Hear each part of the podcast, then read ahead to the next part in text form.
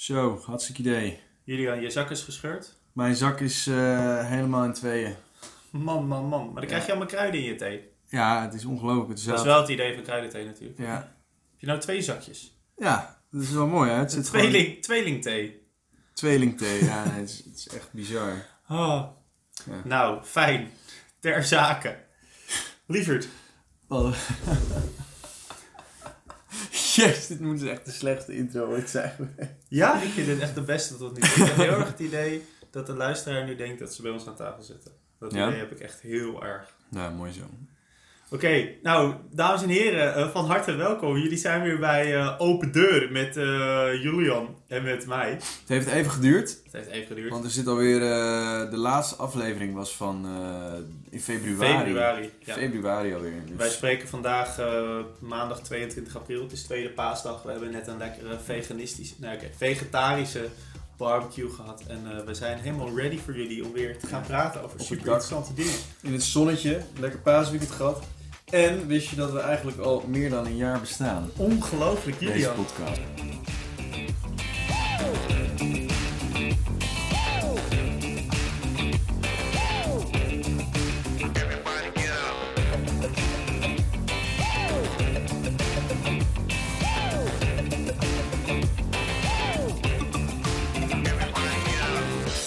Nou, en heb je een cadeau voor mij?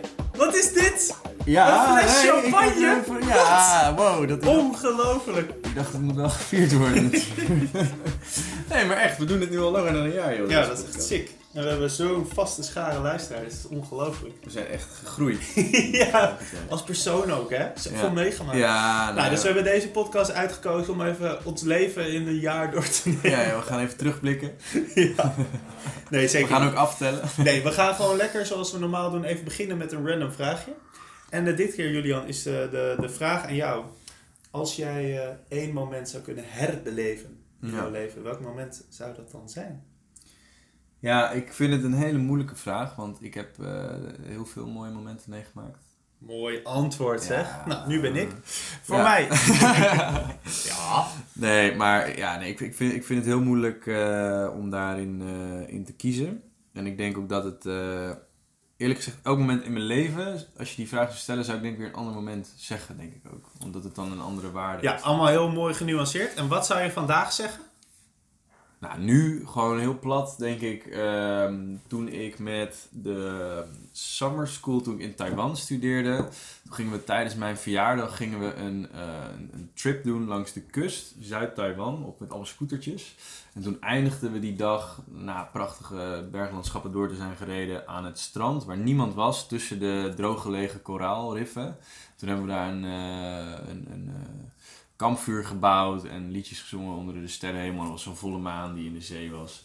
Met, met allemaal ehm, nou ja, hele leuke mensen eh, om me heen. En dat was, eh, dat was zo'n ja, zo'n zo'n hele wild, jonge, gelukkige avond. Die, eh, dat was echt gewoon perfect qua... nou, qua man, dingen. fantastisch. Ja. Echt gaaf. Zo, dat klinkt heel... eh, Nee, ik ben heel blij voor je. wat, eh, wat zou jij zeggen, Ruben? Ja, dat was eh, wel een heel specifiek moment. was afgelopen jaar op Down the Rabbit Hole. Ik was daar met allemaal vrienden, stonden we bij MGMT, helemaal uit ons dak te gaan. Maar we wisten dat we zo meteen naar Parcels zouden gaan, Ja. een andere band. Ja. Dus we stonden te dansen. Oké, als nu Kids komt, dan blijven we nog Kids bekijken. Kids van MGMT, weet je. Ta- Tweestemmig? Precies, en die ging... Oh ja, doen we nu. Nee. En die gingen we afwachten. en eh, ik twijfelde heel even. Ehm, en die gingen we afwachten en daarna gingen we naar Parcels rennen. En het was zo eind van de middag, ondergaande zon. En toen kwam Kids op uiteraard, dus Ja. wij helemaal meeblaren. Ja. En toen zijn we daarna met een hele groep zijn we gaan huppelen naar het andere podium. Dus we zijn echt, voor mijn gevoel, iedereen was, we natuurlijk een beetje aangesloten. Maar iedereen was aan het rennen en aan het huppelen en zo. Iedereen keek naar ons. We waren zo gelukkig met een groep van 15 man renden we toen naar Parcels. En daar zijn we echt als die hele irritante mensen, zijn we zo helemaal naar voren gedrongen. Ja, En ja. hebben we daar echt het optreden van mijn leven gezien van Parcels. Die gasten waren zo funky lekker bezig. Lekker man. Ehm, dus ja, dat was echt, eh, echt fantastisch. Echt fantastisch. Hmm. Mooi. Nou, fijn Ga je dit jaar weer gehad. Nee, ik heb dit jaar familieweekend dat weekend. Ook tijdens de Down Rabbit Hole. Oh, naar Down Rabbit Hole. Sorry. Ja, nee, ja. want ik zat als... Of, Parcels komt ook naar Into the Great Wide Open dit jaar. Maar eh, nee, ik ga dit jaar niet naar Down Rabbit Hole. Maar goed, dat is, kunnen jullie show notes vinden. Naar welke festivals jullie al en ik allemaal gaan. Ehm, waar we het vandaag over gaan hebben, Julian. Je ziet het al een beetje aan mijn handen. ja, Eh, de luisteraars zien dat ook. De luisteraars zien dat ook. Eh, jij bent naar Japan geweest. Jazeker. Wat, wat doe jij op dit moment op je hoofd, Julian? Een eh, konijn. konijn. Nee, maar dat is... Een het- anime konijn. Een dat heel is, bijzonder. Dat is om... Maar goed, eh, jij bent in Japan geweest en daar willen we het vandaag een beetje over hebben. mhm. Want wat, wat, waarom, waarom is het interessant om, het over Japan te om het hebben. over Japan te hebben, Julian? Nou, ik denk dat Japan een heel eh, boeiend land is om naar te kijken. En ik ben er in totaal een week geweest. Ik ben twee weken weg geweest, maar ik was een week daarvan in Japan. En ik heb een doorreis gemaakt van Tokio, Kyoto naar Osaka. Hele grote steden zijn het allemaal. En ehm, nou, de, de reden waarom het interessant is om het over te hebben, is omdat het een hele andere cultuur is. En ook een cultuur die wellicht ehm, nou, een stukje van de toekomst zou kunnen laten zien.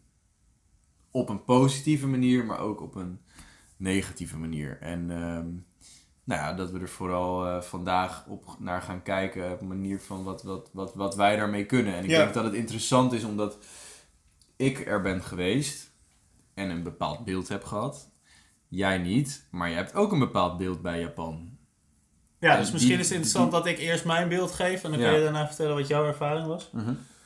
Ehm, nou, bij Japan heb ik heel erg het idee dat het, ook wel omdat ik heb, heb er wel een beetje over gelezen, maar dat het al best wel een land is waar heel veel al geautomatiseerd is. Ja. Qua eh, robotica, dat als je een taxi instapt, dat dan de deur vanzelf open gaat, bij wijze van spreken. Eh, ja, dat is echt zo. dat is echt zo. Nou, daar ga je al. Interessant. Maar hou nog even je, die, die- Ja, ja, ja, de waarheid nog even. Nee, de, de waarheid bestaat niet natuurlijk, eh, lieve luisteraars. Maar, eh, eh, nou, een land dus waar, waar eh, wat ik er dan over heb gelezen, dat er heel veel wo- wordt geautomatiseerd. En dat je dus zou denken, oké, mensen hebben dus, er zijn minder banen. Mhm. Ehm, maar wat ik juist lees en meekrijg is dat er dus ook heel veel banen worden gecreëerd door het kapitalisme. Mhm. Zo van eh, dat, eh, dat iedereen de hele tijd maar aan het werk is en dat werken echt de identiteit is. Ik heb het idee dat er heel hard wordt gewerkt en dat er dus ook, maar ook wel veel bullshit jobs zijn. Dat idee Mm. heb ik. En dat dat inderdaad ook wel een beetje dan is, misschien wel hoe de toekomst eruit ziet. En dat ziet er in mijn ogen dan best wel negatief uit, omdat ik Ja. het idee heb dat het dus heel erg gaat over werken, werken, werken en efficiëntie. Terwijl het volgens mij helemaal niet efficiënt is en dat er weinig eh, ruimte is voor eh, meer vrije tijd en eh, culturele besteding van het leven. Dus dat is een beetje het beeld dat ik heb. Maar ik moet ook benadrukken dat ik weet verder echt heel weinig van Japan. Ja. En ik weet anime filmpjes en ik weet sushi. Ja. En dat is het een beetje. ja, en dat is denk ik wat de hele wereld een beetje denkt. Hè? Dus die gekke Japanners die op walvissen jagen. En Ja. nou, we weten misschien ook nog wel dat Sony er vandaan komt. Ja. Toyota. Ja. Ja. Maar daar blijft het dan ook wel. Atoombommetjes. eh, nou, die komen er niet vandaan. Maar die zijn Nee, er wel... eh, nee, maar dat is wel wat je met Japan associeert. Ja, ja, ja. Nee, dus dat, dat is een, denk ik eh, redelijk vertekend beeld. Maar dat is natuurlijk bij heel veel eh, dingen zo. Want wat heb jij daar ervaren? Nou, ik ging er denk ik een beetje met dezelfde verwachting heen. Ik had nog wel meer verwachting dat ze allemaal wat gekker zouden zijn, weet je wel. Van die spelshows en zo. Dat ze allemaal, nou, gewoon een beetje gekkig zijn. Maar dat valt dus heel erg mee. En dat is denk ik heel erg hetgene wat, wat me ook opviel. Is dat het is echt een land van contrasten. Waarbij je enerzijds de futuristische stad hebt met allemaal neonlichten en robots en dingen. En tegelijkertijd heb je een hele traditionele, ja, cultureel erfgoed met tempels en, en netheid en, en, en, en, en betogenheid. Wat, waardoor... Betoog, ingetogen. Ingetogen Ja. en, en, en, en, en bescheidenheid. Mooi En, betogenheid. en ik... dus betoog, ja. Maar, een ehm, ingetogen en bescheiden betoog. ja. Betogenheid. Ga door. Maar ik denk, je hebt dus gewoon een hele grote gevestigde orde in Japan, die nog heel traditioneel ouderwets is van hard werken en, en eh, tevreden zijn met weinig. Ja. En dat als je daar niet in past, dat er dus zich een beweging heeft eh, opgezet die totaal anders is ervan. Namelijk schreeuwend, anime, lichte, herrie. Ehm, ehm, om, om dan maar een soort van vorm te vinden van hoe je daar eh, kan, eh, kan leven. Dus het is echt, waar je een hele drukke stadsgebied hebt, heb je opeens een park met een tempel. En da- daar lopen mensen oprecht eh, in kimono rond. Niet omdat dat acteurs zijn of omdat ze daarvoor worden betaald, maar echt om, de, ja, om zelf als bezoeker daar eigenlijk die traditie voor te zetten. Ja, Dus dat is bijzonder. Ja, dat is best wel. En je eh, zegt, eh, ik heb daar, eh, dat is een beetje hoe de toekomst eruit gaat zien. Wat bedoel je daarmee? Nou, wat ik daarmee bedoel is dat alles daar heel erg is ehm, geregeld. Zeg maar, dus je hebt daar bijvoorbeeld de Shinkansen. Dat is een, dat is een trein, die, nou, een soort Thalys eigenlijk. Die rijdt door het hele land. Die komt precies op tijd. En als die ook maar een minuut te laat is, krijgt iedereen in die trein een briefje met een goed excuus voor de werkgever waarom die te laat is. Want het was echt de trein geweest. Die mensen zijn heel ja, plechtig in wat ze doen. Ze, ze, ze, ze werken echt en dat zien ze als hun identiteit. Dus zelfs de taxichauffeurs, zeg maar, die, zien, die zijn heel plechtig, weet je wel. Die hebben witte handschoentjes aan en die nemen hun baan heel serieus en willen de beste service leveren. Tot en met koks die heel erg gepassioneerd, of misschien niet gepassioneerd, maar misschien bijna obsessief Ja. bezig zijn met jou de beste sushi eh, aan te bieden. En wat vond je daarvan om dat zo te zien? Die plechtigheid en dat eh, tot in de puntjes alles geregeld. Nou ja, ergens wel, wel, wel bi- bijzonder, zeg maar. Want ik denk in, in Nederland werken we veel meer om gewoon geld op de plank te krijgen. Ja, en ik, dat doet heel Werken om te leven. werk moet leven. Ehm, en, en daar was het, naast dat dat het ook was, ook heel erg eer wel. Weet je wel, want, want als je een beetje onbenullig bijvoorbeeld met je, als taxichauffeur met je klanten omging, dan was je eigenlijk gewoon een, een, een mogol.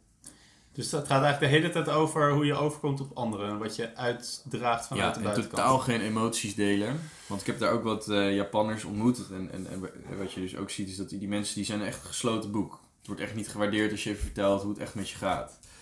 Maar ook, ze kunnen heel moeilijk bijvoorbeeld meisjes aanspreken. Er zijn heel veel mannen eenzaam en er worden bijna geen baby's. eh.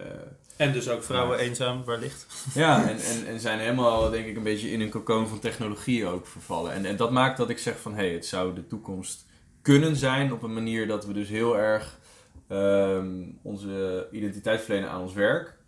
En waarbij we anderzijds heel erg zitten afgesloten in een soort technologische bubbel. Waardoor we niet meer eh, met echte mensen durven te praten en eh, relaties durven aan te gaan. En, En ik mag wel zeggen dat je dat dus niet ziet als een positief toekomstscenario.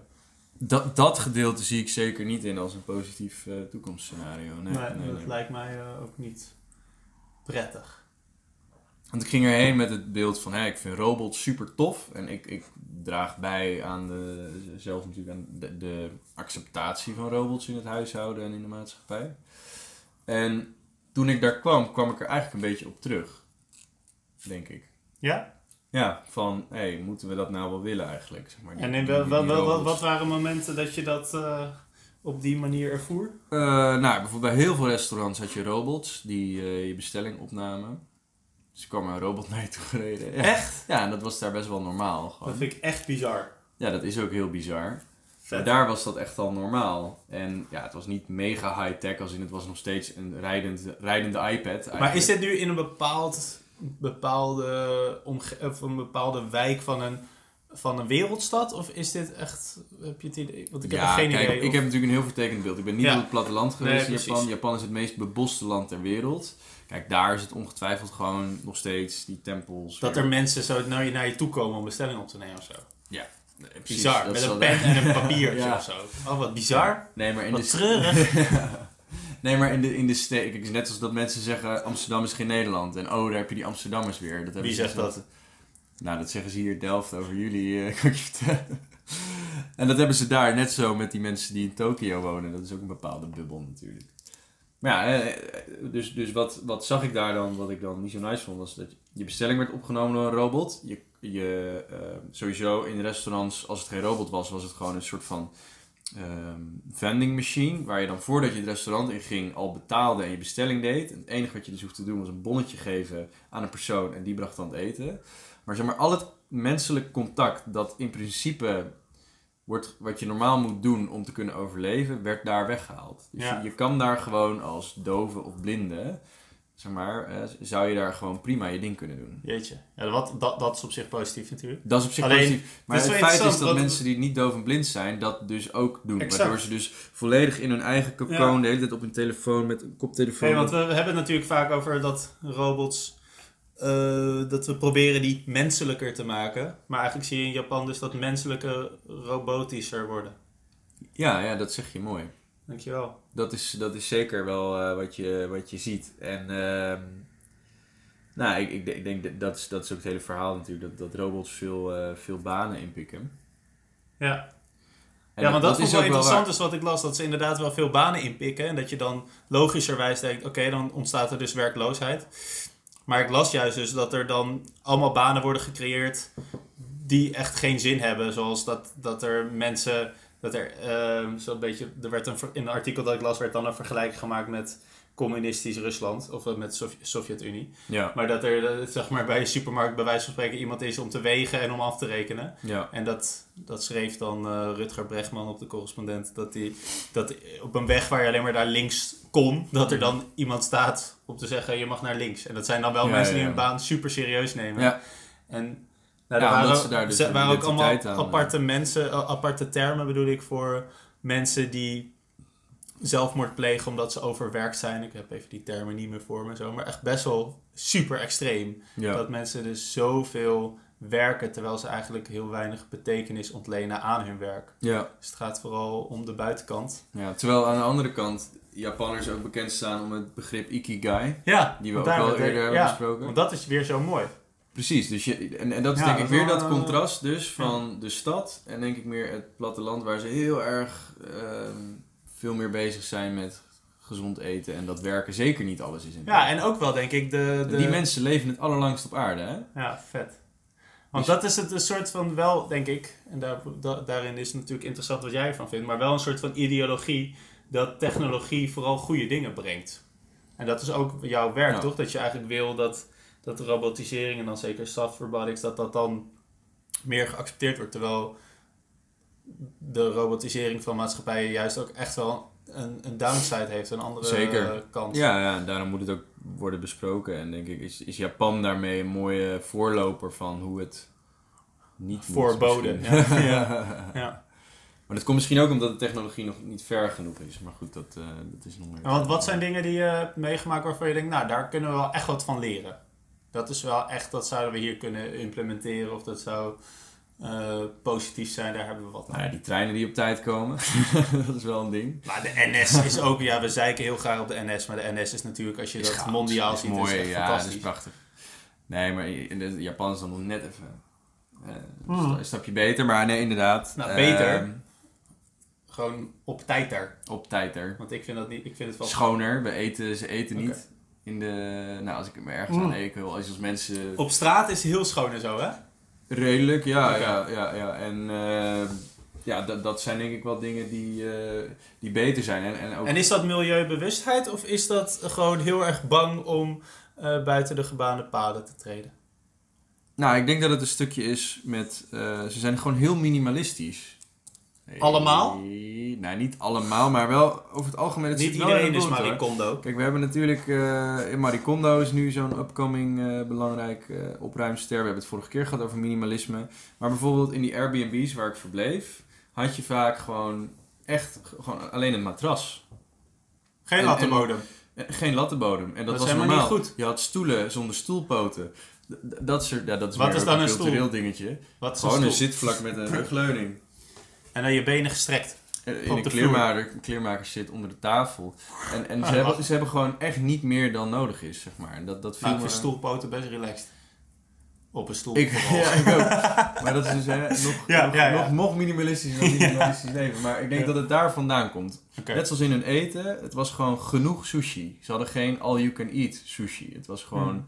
kwalitatief boven kwantitatief. Nou, en dat zijn wel hele goede, goede zaken, vind ik. En dat ze gewoon heel eh, bescheiden kunnen zijn in, eh, en, en, en een goede service leveren aan Jan en Alleman. Maar wel een onpersoonlijke service. wel een redelijk onder Ja. persoonlijke service. En ook vrij gesloten. Dus. Ja, Want ja er is vast wel een middenweg daarin te vinden. Want ik ben, ja, ik wil, ik wil, niet dit een super chauvinistische aflevering maken, maar ik vind Ne- Nederland heeft gewoon best wel een fijne balans tussen dingen die heel erg goed geregeld zijn en toch ook wel nog de vrijheid om een bepaalde auto- autonomie te laten bestaan. Dat mensen zelf ook nog een beetje hun eigen ding kunnen doen, om het Mhm. even mooi clichématisch te zeggen. Ehm, en dat dat ook geaccepteerd wordt. Want ik heb het idee dat als je, nou, dat, zo, dat je een briefje krijgt in de trein als je te laat komt in Japan, dat is echt te bizar voor woorden. Ja. Dat je niet gewoon tegen je baas kan zeggen, joh, we hadden vertraging, oké, prima. Ja, dat is het, dat is het misschien ook. Dat toch- dus dat, eh, dat lijkt me heel erg een cultureel, ideologisch ding. nou, en ik sprak daar ook met een, met een Japanse jongen en die werkte dan bij eh, Accenture, geloof ik, of zo. En, Wat is dat? eh, een consultancy firm wereldwijd. Maar daar was het dus ook heel normaal om echt van 9 tot 9 te werken, zeg maar. Dus ook avondeten deed je op je werk.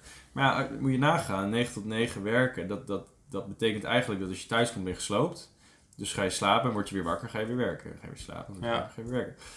En ehm, nou, die, die sprak dan af met vier jongens om, om dan het weekend te vieren. En dat was dan eh, eten en gamen. Daar is natuurlijk niks mis mee, maar zat wel heel erg dus gesloten in die routine. Kwam daar niet uit. Nou, die jongens hadden het waarschijnlijk ook echt nooit over hun gevoelens. Dus die, ja, die zijn echt best wel robots bijna, vond ik. En hoe, hoe kwam je met hen in contact dan? Dat was weer een, eh, die was ooit in Nederland, was die hier eh, komen, tijdens de middelbare school heeft hij hier een jaar gezeten. Dat was een soort uitwisseling. Oh, Van- dat vind ik dan een weer van mijn ontzettend stoer. ik mee was. ja, nee zeker. Dus dit was wel misschien een vreemde eend in de bijt. Ja, Als ik het dan vergelijk met die andere, met die Ja. andere jongens. Nee, dus dat, eh, dat, dat viel mij eh, absoluut op. Maar nog, nog even terug naar die, ehm, naar die robots. Want dat, dat vind ik vooral eh, persoonlijk dan interessant. Want enerzijds neemt dus heel veel banen in. Maar, eh, en dat er dan nutteloze banen voor in de plaats komen. Ja. Maar het punt is, als je zegt van ja, het neemt heel veel banen in. Dat is wel waar, maar eigenlijk is dat al heel lang zo met heel veel technologische innovaties. Weet je vroeger hadden we geen straatlantaarns, dan hadden we straatkaarsen, letterlijk. Moest elke avond moest er een mannetje met een paard en een kar die kaars aanzetten. En toen kwam er elektriciteit, zijn baan bestond niet meer, maar toen kwamen er opeens elektriciens. Weet je wel, dus er komen altijd, het kan altijd een soort van weerlegd worden met dat als er een nieuwe innovatie komt, en dat is al honderden jaren zo, dat er dan een andere voor in de plaats zeker. komt. En- Alleen het gaat dus om voor wat voor soort banen je er dus voor in de plek komen. Want kapitalisme Ja. kan dus allemaal banen creëren. Ja. Maar de vraag is, zijn dat banen die daadwerkelijk iets bijdragen? Ja, want dat vond ik ook wel interessant vanuit dat artikel wat, eh, wat jij had eh, doorgestuurd ook en waar onze andere podcast aflevering ook over gaan, is dat het steeds belangrijker wordt dat je inderdaad voldoening haalt uit je baan, omdat je denkt dat het belangrijk is dat ja, jouw baan dat is er ook is. juist Ikigai. En dat is weer Ikigai. Ja. Want voor onze luisteraars die dat niet meer weten, Ikigai is doen waar je goed in bent, doen wat je leuk vindt, eh, doen waar je geld voor krijgt en doen wat bijdraagt aan, de, aan het grotere ja. geheel. Oh ja, nou, aan een groot geheel. Ja. Ja. Ja. precies. Hè? Dus, dus die vier dingen. En ik denk dat, dat die vier. En dat die ook in balans zijn. en dat die ook Ja. in balans zijn. En ik denk dat dat wel een inbalans veroorzaakt. Ja. Daardoor. Ehm, maar aan de andere kant, hè, wat, wat ik zelf een heel mooi voorbeeld vind, is bijvoorbeeld in de, in de zorg. Hè, als je daar. Een, een zuster moet nu doorgaans. ehm, eh, laat, laten we de situatie nemen van een dementerende mevrouw. De zorg staat nu zo onder druk dat zeg maar, een verpleegster. die is nu al heel erg overwerkt, krijgt bijna niet betaald. Dus die maakt enkel tijd om voor deze gedementerende vrouw haar te wassen, medicatie te geven en eten te geven. Weet je, de, de, de onderste laag van de piramide van Maslow. Maar diezelfde dementerende mevrouw, die heeft ook aandacht nodig. En liefde en een knuffel. Hè, want dat is onwijs belangrijk. Eenzaamheid is een van de grootste redenen van, van eh, overlijden, hè, vaak in dat soort huizen. Maar dat kan die zuster niet geven. Want die is al helemaal bezig met die basisbehoeften. Ja. En waar ik dus heel erg in geloof, en dat is dus eh, om te weerleggen, het positieve van robots. Dat een robot zou in feite ook de medicatie op het juiste moment, eh, met de juiste hoeveelheid kunnen geven. Nog beter dan die zuster. Die kan al die repetitieve klote taken ook overnemen. Hè? Dus al die basisbehoeften. En dan kan dus de mens en de zuster in dit geval zich veel meer gaan focussen op deze dementerende ouderen liefde geven en aandacht en een luisterend oor en, en veel meer op een creatief aspect zitten. En, en dan hè, denk ik dus dat je juist een veel fijnere wereld creëert. Ja, ik denk, dat klinkt inderdaad heel mooi. Alleen denk ik, dat klinkt in, mij ook, in mijn ogen ook alweer, of in mijn oren, klinkt dat ook wel weer als symptoombestrijding. Want het feit dat deze mevrouw eh, niet voldoen, of dat mensen in de zorg te weinig tijd hebben om dit soort, inderdaad, deze mooie taken die jij nu benoemt, Mhm. om daar tijd voor te maken, dat heeft meer met, een, eh, met het systeem te maken, denk ik. Dat dat tekort schiet en dat dat te veel eh, door marktwerking wordt gestuurd, omdat dat mensen te ve- te veel focus moeten leggen op efficiëntie en op productie draaien.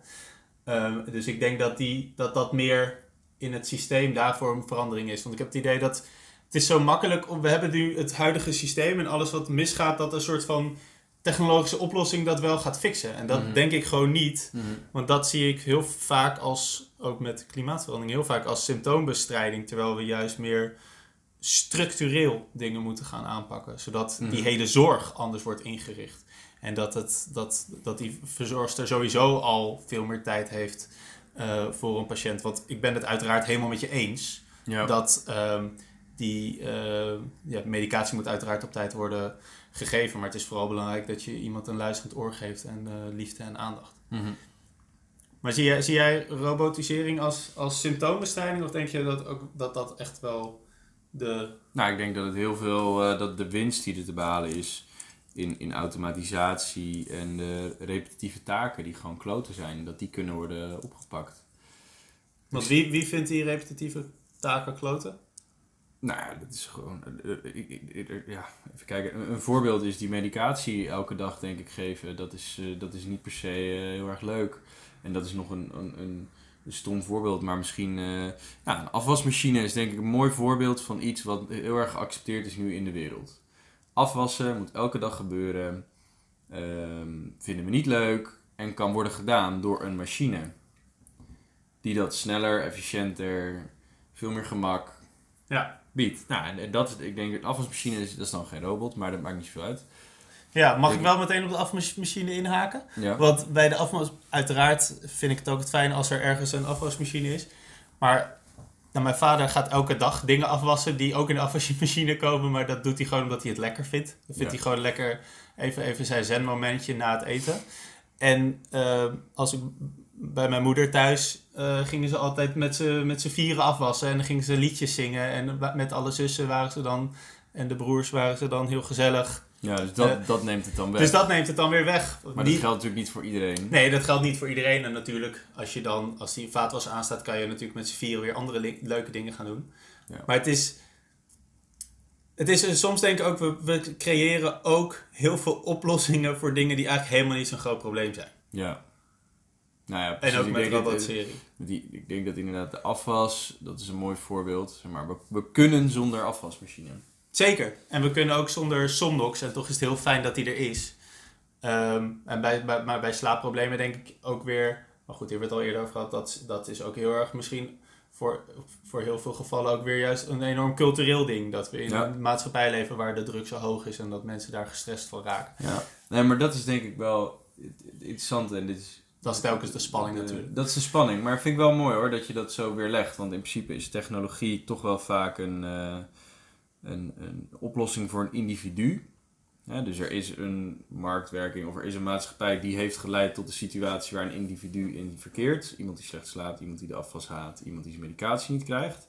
Dus wordt er een technologische vinding ingezet om die specifieke case als symptoombehandeling op te lossen. Ja. Terwijl wat daarachter ligt, is eigenlijk iets wat veel meer op macroniveau ligt. Dat we als maatschappij of als cultuur, in het geval van slaap, 24-7 bezig zijn.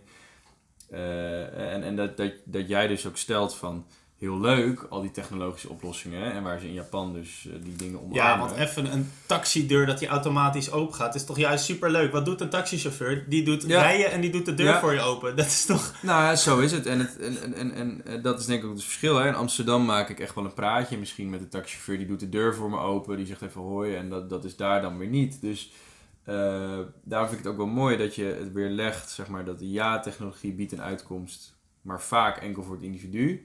Terwijl we misschien al heel veel kunnen winnen door in de politiek of misschien gewoon als maatschappij dingen te doen. Maar het punt is dat dat heel moeilijk is Ja. en heel abstract en, en, en lange tijd kost. Dat is het hele probleem van links. Maar laten we daar ook een keer een eh, Ja. podcast over maken.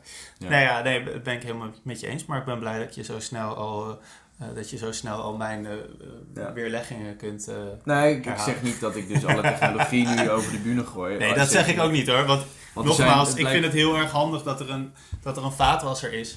Ehm, alleen, het is ook zo dat als je opgroeit in een, in een cultuur waarin de vaatwasser een gegeven is, dan ja, wordt dat zo, dat, dat is zo vanzelfsprekend dan dat je daar ook in meegaat. En zo geldt dat denk ik voor alle technologische ontwikkelingen, dat we raken zo gewend aan dat het er allemaal is. Ja.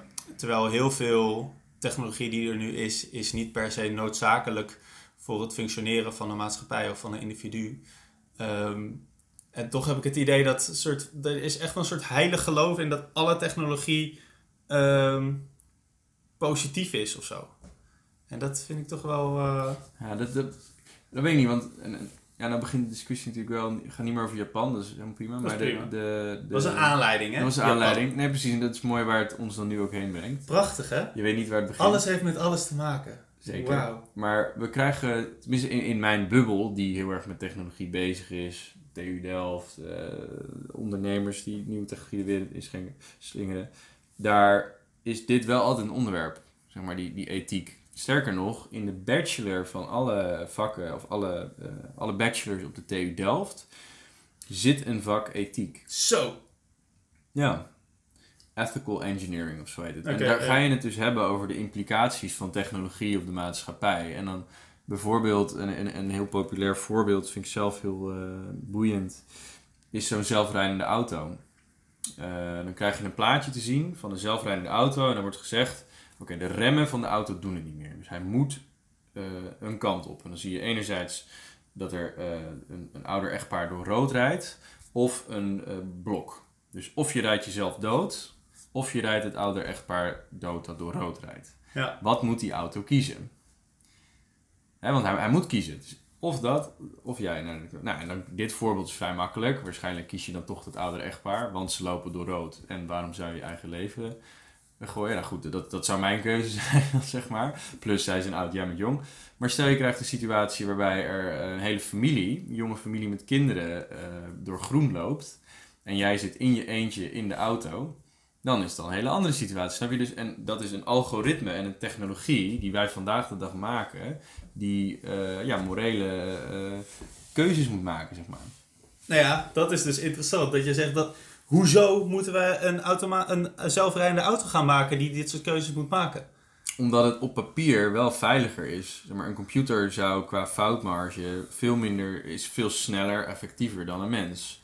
Dus op theoretisch gezien is sowieso je zelfrijdende auto veel veiliger dan de mens. 100%. Maar dat is wel... Maar dat is wel weer Mits- ervan uitgaan dat alles veilig moet zijn, dat we alles binnen bedwang kunnen houden en dat Ja. we overal controle op moeten hebben. En dat is precies waar ik dus bang van word als we Ja. naar, naar Japan krijgen, en, eh, kijken. En in Nederland valt dat nog mee, maar gewoon die drang om overal controle op te hebben. Het leven is één groot fucking risico. Ja. Dat is gewoon zo. Er is de hele tijd kan er van alles gebeuren. En dat is ook de charme van het leven. Dus een zelfrijdende auto. Nu hebben we het dus over de morele keuze die, die een computer dan moet gaan maken. En ik denk wel dat we daar heel erg over moeten gaan nadenken. Omdat er sowieso Mhm. robots moeten een soort morele keuzes gaan maken. Alleen, ik, ik ben dan al kritisch op het feit dat we überhaupt ehm, zelfrijdende auto's gaan creëren.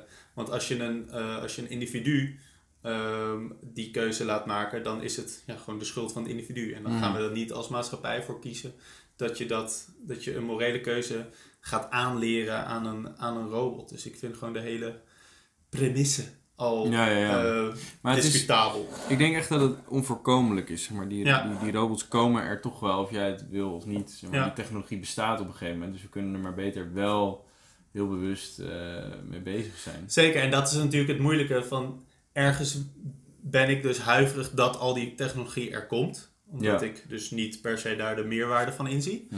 Ehm, aan de andere kant besef ik ook dat ik met mijn nou, relatief kleine kritische bubbeltje daar geen verandering in gaan brengen. Maar dat komt door die enorme ideologie waar ik het net over heb. Dat technologie Mhm. eh, sowieso dat dat onoverkomelijk is.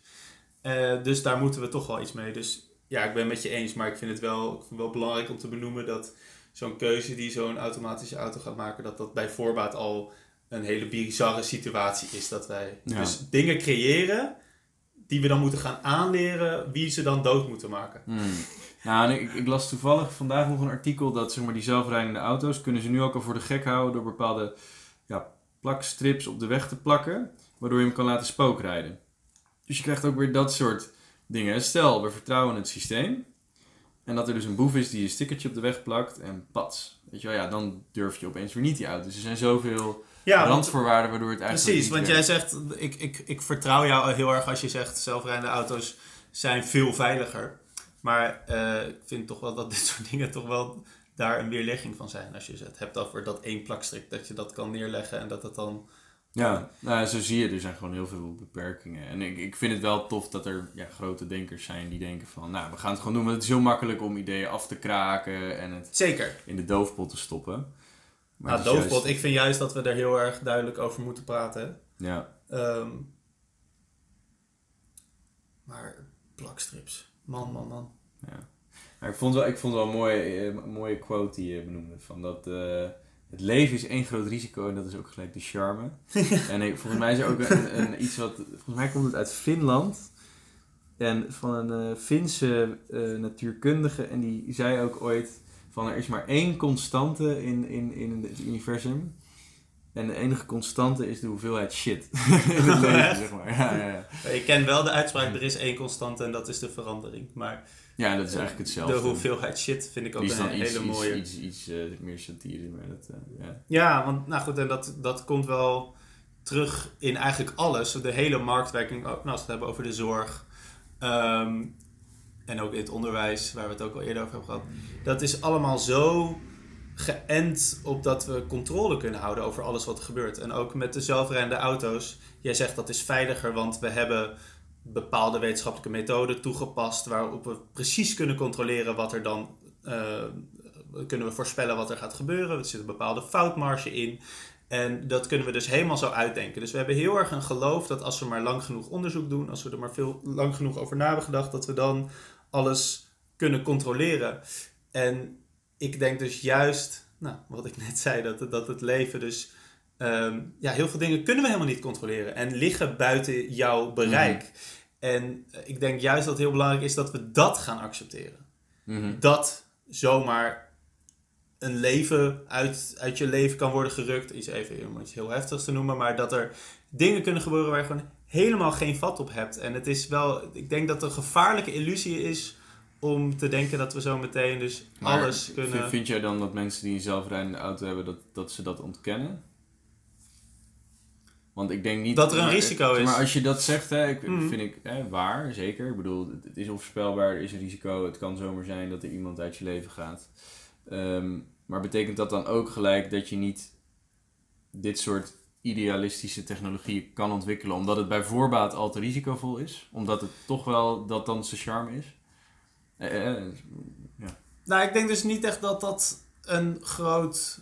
Dat, de, het gaat mij om dat we überhaupt dus bezig zijn met zelfrijdende auto's bouwen. Dat we denken dat dat nodig is. ja. Waarom is dat nodig? En dat is. En, dat, en ik heb dus het idee, maar correct me if I'm wrong, maar dat dat idee is dus om, om het risico op ongelukken te verminderen.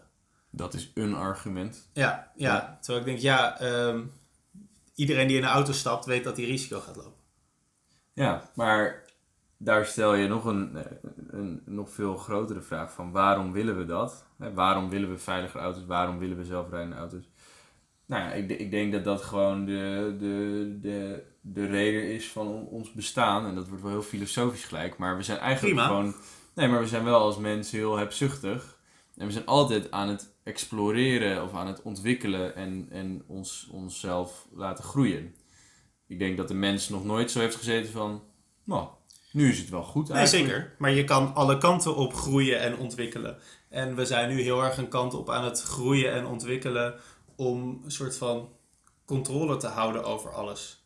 Ja, want dat, dat betekent veiligheid, voorspelbaarheid. eh, En dat is wel wat de wereld nodig heeft. Wil je een aangenaam, comfortabel leven leiden met de, de snelheid waarin we als wereld groeien en Nou ja, de dat- beperkte oppervlakte. Dat zeg jij nu, maar ik zou dat dus best wel durven te weerleggen. Dat ik dus. Want dat is, nou, daarom is Japan toch wel echt een goed voorbeeld om er toch een beetje weer daar terug te komen. Ehm, dat hier wordt dus nu enorm veel geautomatiseerd. Er, eh, het is heel duidelijk, er is heel veel regelgeving. Het is heel, iedereen kan ervan uitgaan dat dingen zo geregeld zijn als ze worden gezegd. En het Mhm. is allemaal heel netjes. En daarmee is dus ook alle, alle rauwe randjes zijn eraf. Of Mm. even, even, dat is heel gechargeerd gezegd natuurlijk. Maar Ehm, als je dus alles zo vast wil zetten binnen de perken eh, wil houden, dan ehm, ja, gaat er ook iets van, van de onvoorspelbaarheid weg. Terwijl Mhm. ik denk dat juist ook daarin de innovatie zit. Om, om fouten te maken, om binnen je bedrijf ehm, te durven zeggen tegen je baas: hey, zullen we dit op deze manier doen? Want ik eh, Mhm. heb nu een idee. En er, met zo'n met zo'n controleapparaat, zoals in Japan, dat heb ik het idee dat werknemers niet echt worden gestimuleerd om eens even out of the box te denken, maar juist heel erg binnen die gebaande, gestructureerde paden willen eh, blijven die al voor hun zijn uitgezet, zodat het maar allemaal duidelijk is wat er gaat komen. Ja, En dat is iets dat ik niet in Nederland zou willen. nee. Of in Nederland, in de ja, Toch het chauvinisme. Toch het chauvinisme. ja. Ja. Nou, ik, ehm, ja, ik heb wel het idee dat we even wat eh, heftige eh, onderwerpen hebben getackeld, eh, Julian. Ik vond het mooi. Het begon heel onschuldig bij... Goh, Julian, hoe was je vakantie? ja. Tot en met existentiële vragen bijna. ja. Oké, dus nou, we eindigen ook altijd even. Wat, wat willen we de mensen concreet meegeven, Julian? En even, laten we proberen dit kort te houden. Nou ja, ik, ik, ik vond die, die quote in het artikel gewoon heel sterk eigenlijk. Van werken we om te leven of leven we om te werken? En dat je die, eh, die vraag eh, jezelf eh, vooral afstelt. Dus afstelt. Die, Stelt. Stelt. Die vraag jezelf stelt. Afvraagt of stelt. Je bent lekker aan het Ja, contamineren. jongen, dat, Heerlijk. eh, het gaat alle kanten op. dat en, en twee, van dat we, nou ja, voor, voor mij als les moeten we altijd technologie als oplossing, wat veel meer op het NVDU met symp- symptoombestrijding zit. Of zit de kracht hem toch echt in op macroniveau aanpassingen doen? Of is het juist die combinatie? En Ja. moet je dus een kant kiezen, wil je impact kunnen hebben? Ja. Nou, en ik denk inderdaad, eh, om het eh, af te sluiten, dat we dat allebei nodig hebben. En de mensen inderdaad zoals jij, die meer met die technologie bezig zijn. En de mensen zoals ik, die daar ook kritisch naar blijven kijken. Niet dat jij daar niet kritisch naar blijft kijken, maar dat is gewoon wel belangrijk dat we niet alle oplossingen ook zien als een oplossing voor een probleem dat echt een groot probleem is. Want misschien is dat probleem wel helemaal niet zo groot.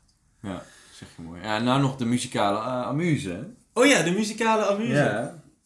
Ehm, ja, iets met, eh, met Life's a Risk. Life's a risk. er is vast een nummer Gaan we, dat weer, Life is a eh, Risk gaan we weer even op Spotify kijken. Life is a risk. Life is a risk. Nou, dan eh, ondertussen doe ik nog een anekdote. Misschien knippen we dit eruit. Ik heb er één. Life is a risk. Nou, Gaan we hem opzetten? dames en heren, hier is Life is, Is a a risk, van, Red Metaphor. van Red Metaphor.